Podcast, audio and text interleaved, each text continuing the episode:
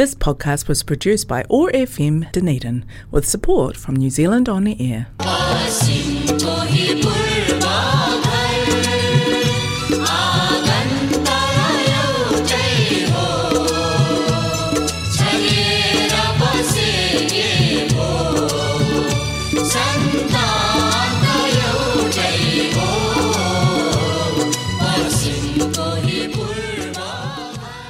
नमाई हाय रे माई। नमस्ते।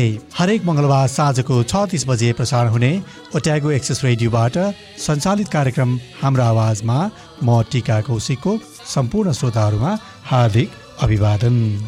आज मङ्गलबार इस्वी सन् दुई हजार तेइस मे महिनाको तिस तारिक तदनुसार विक्रम सम्मत दुई हजार असी जेठ सोह्र गते।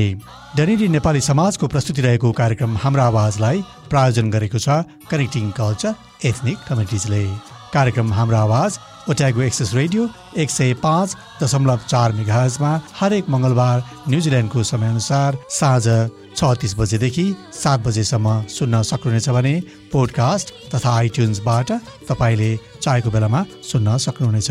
यसका अलावा कार्यक्रम हाम्रो आवाज मानव टु पिपल्स रेडियो नौ सय उनान्सय एएमबाट हरेक बिहिबार न्युजिल्यान्डको समयअनुसार साँझ सात बजेदेखि सात तिससम्म पुनः प्रसारण हुने गर्दछ। कार्यक्रम हाम्रो आवाजमा तपाईँले आज सुन्नुहुनेछ एक छलफल र आजका मेरा अतिथि हुनुहुन्छ doctor Mark Joseph Inglis. Mark Inglis न्युजिल्यान्डका साहस पर्वतारोही हुनुहुन्छ। प्राकृतिक सम्पदा अध्ययनमा लिङ्कन विश्वविद्यालयबाट विद्यावारिधि हुनुहुन्छ भने लिम्स फर अल च्यारिटेबल ट्रस्टका फाउन्डिङ ट्रस्टी हुनुहुन्छ। एज अ वाइन मेकर उहाँले थुप्रै इन्टरनेसनल अवार्डहरू जितिसक्नु भएको छ र उहाँ एक लिडिङ इन्टरनेसनल मोटिभेटर हुनुहुन्छ र गजब लाग्ने कुरा चाहिँ दुवै कृत्रिम पाउले विश्वको सर्वोच्च शिखर सगरमाथा चुम्ने पहिलो व्यक्ति हुनुहुन्छ नमस्ते Mark welcome to the radio show Hamro Awaz from Otago Access Radio Namaste, Tashadile. Uh, very good to be here. We are just the day after Mount Everest Day, that is 29 May. 17 years ago, on May 15, I mean, your feet touched the summit of Mount Everest, roof of the world. Could you please share with us your moment of that time? On the 15th of May 2006, it was about 7 o'clock in the morning after uh, uh, eight hours of tough climbing on the north side of Everest. Then steep, broken rock, frozen. It was minus 50 degrees Celsius when we started. It was minus 38 degrees Celsius when we reached the summit. It is just so hard. Uh, I had no oxygen. My my regulator was broken. So every step, every step on that last 50 meters to the summit was was very much earned. And so when all of a sudden there was just no more steps to take, there's nothing but you know that the the great expanse of the earth spread out in front of you. It was a, a very emotional time, but it was also a, a, a time of some fear, um, some a time of some worry, because for a double amputee, the descent is much, much, much harder than the ascent uh, I I loved every minute of the climb up, but I knew that I had to start the descent as soon as possible. So in that time there, I only spent 12 minutes uh, sharing that summit with some friends, sharing it with the memory of Sir Edmund Hillary and Sherpa Tenzing, sharing it with the memory of, of many of my friends who have been there and many who, who never came home. And so the summit of Everest is always a very emotional place, but it's also a place where you must be incredibly focused because the hardest job you have is is then going down that huge mountain. So uh, usually um, the other people have the curiosity. Uh, we know that reaching the top or the summit is an exciting moment, you know. What do the people do once they reach the peak? Uh, people have uh, lots of little, um, uh, I guess, ceremonies. Um, some people just um, excited to reach the summit. They'll hug the person next to them or something and try and not fall off the summit. That's the uh, big trick. You know, it's it's not a flat place. It's uh, there's only room for one or two people to even be anywhere near the very very summit. For me, it was very much just touching the summit and and and moving on. It was um, for me the focus was to try and get down because the summit of a mountain is important, but the descent to get back down to the bottom, the the best view of any mountain anywhere is once you've ascended it, you descend, you get to the bottom, and you turn around and you think, I did that. That is the most exciting view of, of any climb. Could you remember, like, how long, how many minutes or second you were um, standing on the top? It felt like um, three minutes, uh, but it was 12 minutes, I think. I was on the top. We had a, quite a windy day, and the weather was changing for the worst. So we were very aware that we we needed to be down off the mountain as soon as possible. And because I go down so slowly, I knew that I would be the last member of our expedition down the mountain. So I knew that that the tents and and all of the infrastructure would be being cleared off the mountain as as I went down, uh, and and that was the way of it. So it was twelve minutes, uh, and it was so cold that the only camera that worked that day on the summit was my little disposable 35 millimeter film camera. You know, the one that you buy for ten dollars uh, in the market in uh, in Lhasa on the, the, way to, to Everest. So it was um, it was a tough day.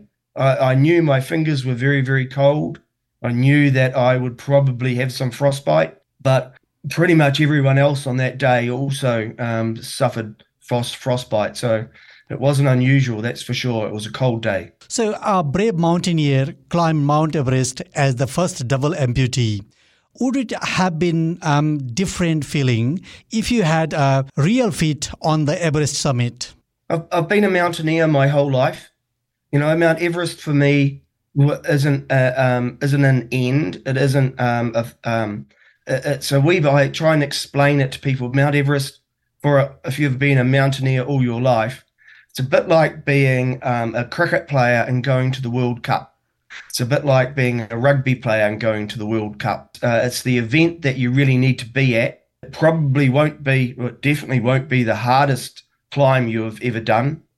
It may not be the most important climb you've ever done, but it's the it's the event that you need to be at. It's the summit that you need to touch it's, uh, it's something that you need to um, to get out of the way. And so it's uh, in many ways it's very much like that. Whether you've got legs or or whether you're a double amputee, you know, I I did a very fast climb on the way up. I think I did the the second or third fastest climb for the day of 12 people that summited that day. So if I had legs, then perhaps I might have been the fastest. Um, but if I had legs, then I know I would have got down a lot better than I did. Mm. And so it's uh, uh, it's as much the um, it's an extra layer of challenge, and so that also means it's an extra layer of of appreciation. It's an extra layer of of joyfulness. It's an extra layer of achievement. So, um, what were and are the extra challenges to climb with the artificial limbs? You have partially answered this question, but it could be helpful for other people who are thinking of climbing Mount Everest with artificial limbs. Um, some of the challenges are um, very difficult. You can't feel your feet. You know, you know where your feet are. You can see your feet. You can get some feeling through the the socket, but it's very very difficult to um, feel the placement of your feet. So you need a lot of experience, a lot of practice in placing your feet in the right place. But um, it's important that your ankle doesn't bend, so you can uh, control that the front points of your crampons much better. Um, the biggest challenge, though, is that for a below knee amputee like myself, um, it means that because of the leverage in the leg and the short stumps that I have, the the you lose you're down in power by perhaps 15 to 20% compared to a leagued person. So you have to be that much fitter. You have to be that much um, uh, more focused, that much more determined, because you, you have much less muscle to actually to do the climb. And so it's climb at, at anywhere near the same speed as an able-bodied person means that you have to climb it much, much, much harder than an able bodied person. Mark, let's have a bit of your flashback memory uh, of 1982. How would you describe that thin line between life and death of the Mount Cook, uh, that narrow escape for you? Escape. It was a narrow escape. It was. Um, we probably only had a day left to live when we were rescued. Perhaps twelve hours, perhaps eighteen hours. It was a real challenge, and that fine line is a line that um, that you stay on the right side of with knowledge. You know, I was a search and rescue mountaineer. That was my job. I knew how to survive. So that was a huge advantage. But probably even more importantly was complete faith in your team. The the reason we stayed on that right side of the line was that I didn't have to worry about uh, being rescued. I knew I would be. I just had to make sure I stayed alive long enough to to be rescued. And so to stay on that line, it, it takes knowledge and it also takes attitude. So, what thoughts were uh, in your mind uh, when you knew that uh, you had to have your both uh, limbs to be cut off as the result of that incident? Well, it's not just a, an instant thing like waking up after an accident and perhaps a car accident or a motorcycle accident and not having limbs. You know, we suffered through 13 and a half days on on Mount Cook in the ice cave, watching our feet freeze. Then we suffered through four weeks in hospital, watching the, them deteriorate um, to rot to, for gangrene. So by the time Christmas Eve 1982 came, in the morning when we were when we were due to have our legs amputated, in many ways it was uh, a relief. In many ways it was these need to be cut off so I can have a life. You cannot wish them better. They are not going to get better. And so the only way you're going to have a life is to have the amputation. And so hurry up and do it was the feeling.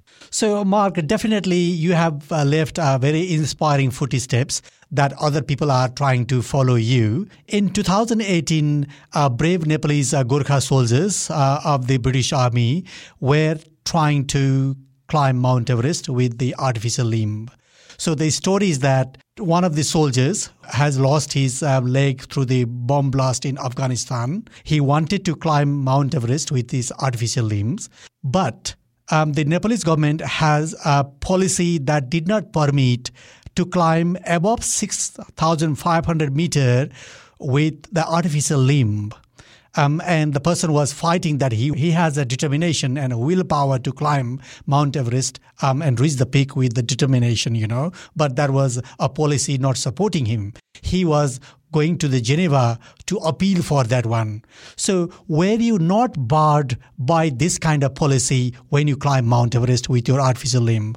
Uh, that's part of the reason why I climbed Mount Everest from the north, following in the footsteps of Mallory and Irvine from 1924. I just didn't tell anyone that I didn't have any limbs.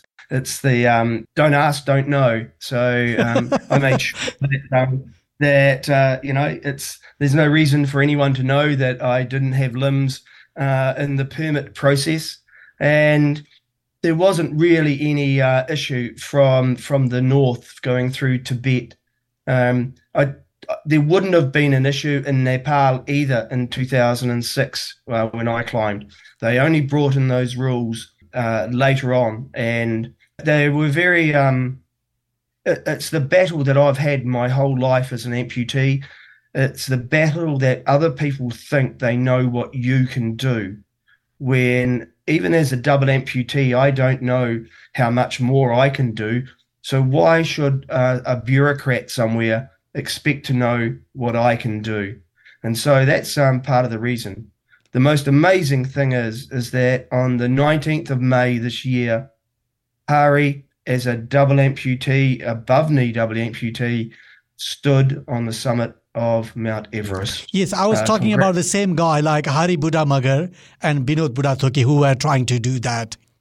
Yeah, Hari uh, Hari stood on the summit on the 19th of May. So um, my congratulations not just to Hari but to his whole team um, a, a, very difficult thing as an above knee amputee, and um, and congratulations to the the people of Nepal who have ensured that he has been able to do it.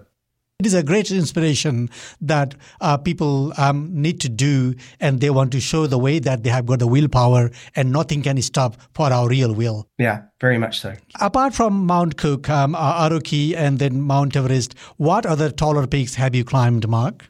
Uh, in 2004, I climbed the sixth highest in the world, um, Cho Oyu, uh, 8,201 meters. Uh, beautiful mountain, a lovely climb. Um, I, I, bring treks back to, to Nepal um, on a very regular basis.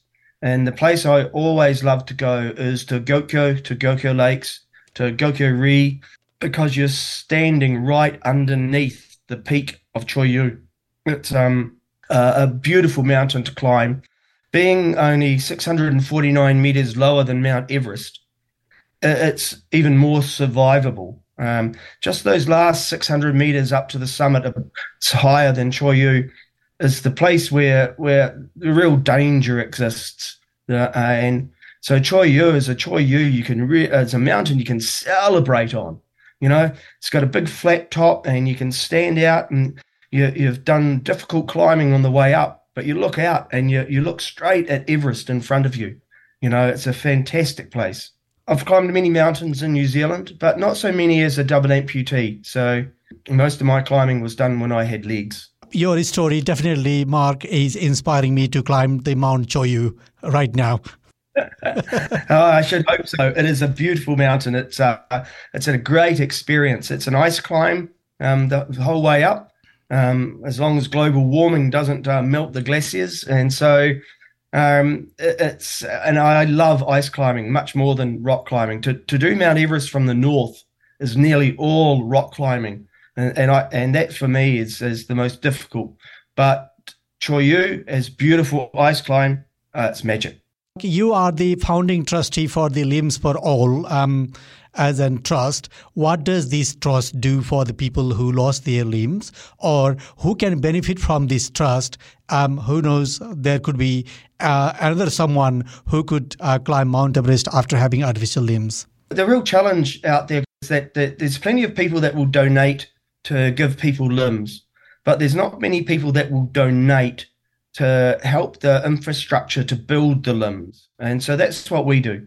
Um, the money that I raised on Mount Everest, which was nearly seventy thousand US dollars, that money is uh, was used to rebuild uh, a limb center in Cambodia. We have rebuilt uh, a limb center in in Kathmandu. What we want to do is we want to ensure that it's a safe working environment for those great artists and scientists, the prosthetists that build the limbs, the limb makers, so they can make thousands of limbs. And so that's what we we focus on. Our other big focus, of course, is at the Spinal Injury Rehabilitation Centre in Kathmandu. So we have been supporting them since um, 2008, and we we predominantly support them by providing rough terrain wheelchairs for the the many many spinal patients that are generated in Nepal. A very difficult place to be a spinal patient. And so it's been a, a fantastic uh, relationship for a long time with them there. So we try and leave it to other people to donate limbs. Uh, what we want to do is we want to make sure that the the infrastructure is in place to be able to make the limbs. We also have a major project in Cambodia at the moment, educating um, very disabled young people in the rural areas where they get no support. And so we provide all of the support that they need. And especially in these COVID years when you cannot attend school, you know, you, you need a, um, an iPad or, or a notebook to be able to be online. You need all of these sorts of things. And so we have a, a, program called Kids Exceed in Cambodia for that. We'll be back in, uh, and I'll be back in Nepal and Kathmandu soon. Um, we'll be looking at other projects. We're only a very small charity, so we're, not a Red Cross or a, um, or rich people. So we, we just rely on on generous donations, and we ensure that the money gets spent in a place that can keep on working. Uh, there's nothing worse than spending a dollar and then not seeing it work and work and work. We always say that if you give us a dollar, we will make it work forever. We are celebrating this Mount Everest Day um, every year, and we definitely want to honor and uh, respect um, Edmund Hillary and um, Tenzing Norgay Sherpa. How would you like to remember today for them who opened the path for us to climb after them? The most amazing thing that, that those two humans did was they stepped into a place that no other human had been. They had the courage to do that. They that for me has always been the overwhelming um, feeling of gratefulness that I have to them. By stepping into a place that no one else had ever been, by having that courage, they inspired us to, but they also showed us that that it's possible. And that was the um, the real, uh, the most important thing of that ascent of Everest. It was the teamwork involved in getting them to a place where they could launch for the summit, but it was their courage to step into that place no other human being had been. That's the thing that allows us to do it and allows us to stand on the shoulders of, of those and reach even higher. Now, this is time for you to have your say uh, about Mount Everest Day. What message would you like to leave for the listeners of Hamro Awaz? Mount Everest Day uh, a day of celebration of of achievement, a day of celebration of the connection between Nepal and New Zealand. It's um, people ask me to um, to tell them what what Nepalis are like, and I'd always say mm, Nepalis are like Kiwis were 50 years ago. Um, the and that's um, really a, it's um, a really open society, uh, a society that that cares, um, a society that that redefines um, hospitality and family. You know, New Zealand is becoming more and more um, drifting away from that, and so every time I go back to the Khumbu is an Everest day for me. Every time I step up into the high mountains and I meet my friends, that's an Everest day. So the Everest day that we are going to celebrate is a celebration of my friends, um, my whānau in, in, in Nepal. I have, have my closest friends are still there. So that was what Everest Day is for me. We would wish um, that let this celebration go forever. Yeah, absolutely. Yeah, every day is an Everest day. So, um, thank you so much, Mark, making yourself available to come and speak on my radio show, Hamro Awaz. I'm very grateful to you. Um, and many years ago, when I listened to your story, um, hearing your story, I had. Uh, like a temptation one day i would like to speak to the mark and my dream has been fulfilled today thank you so much for your time for your uh, sharing of your experience and for your wonderful talk with me today thank you na, na, na nui. Um, it's been a privilege to share my thoughts um, and for you to be able to put that out to the world. So, Thank you. Um, जान जाँदै हाम्रो आवाजका प्रायोजक connecting culture र यो आवाज तरङ्गित गराउने ओट्याको access रेडियोलाई धेरै धेरै धन्यवाद। त्यस्तै गरी आजका मेरा अतिथि डाक्टर श्री मार्क जोसेफ इङ्ग्लिसलाई पनि मुरी धन्यवाद भन्दै आउँदो मङ्गलबार साँझ फेरि भेट्ने बाचाका साथ प्राविधिक मित्र जेफ र म टिका कौशिक हुन चाहन्छु। नमस्ते शुभरात्रि क्या पाइ तेपो काकिते आनो खोइ।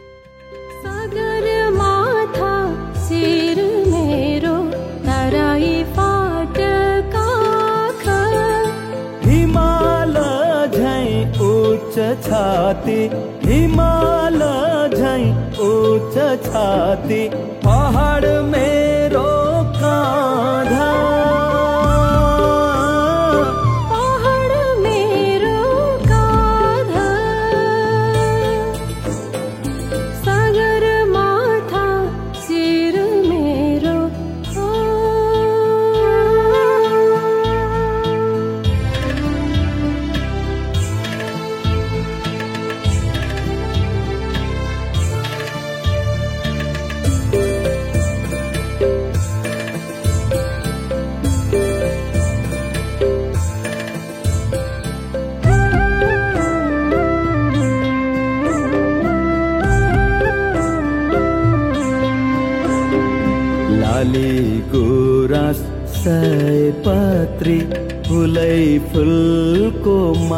माला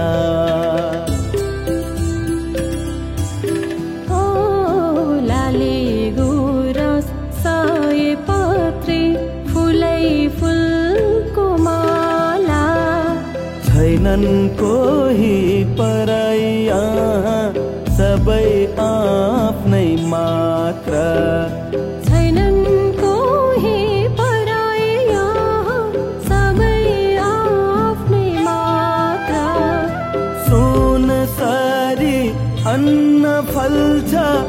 प्रकृतिको धनी गौतम बुद्ध सीता माताको यो हो जन्मभूमि।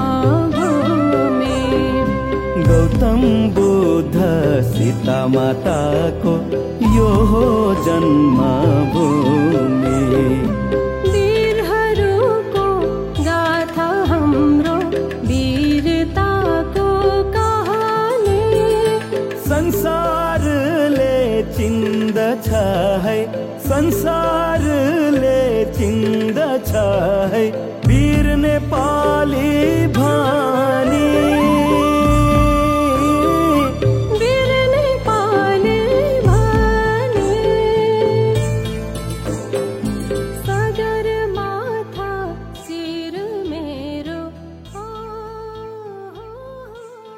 This podcast was produced by OAR FM Dunedin with support from New Zealand On the Air.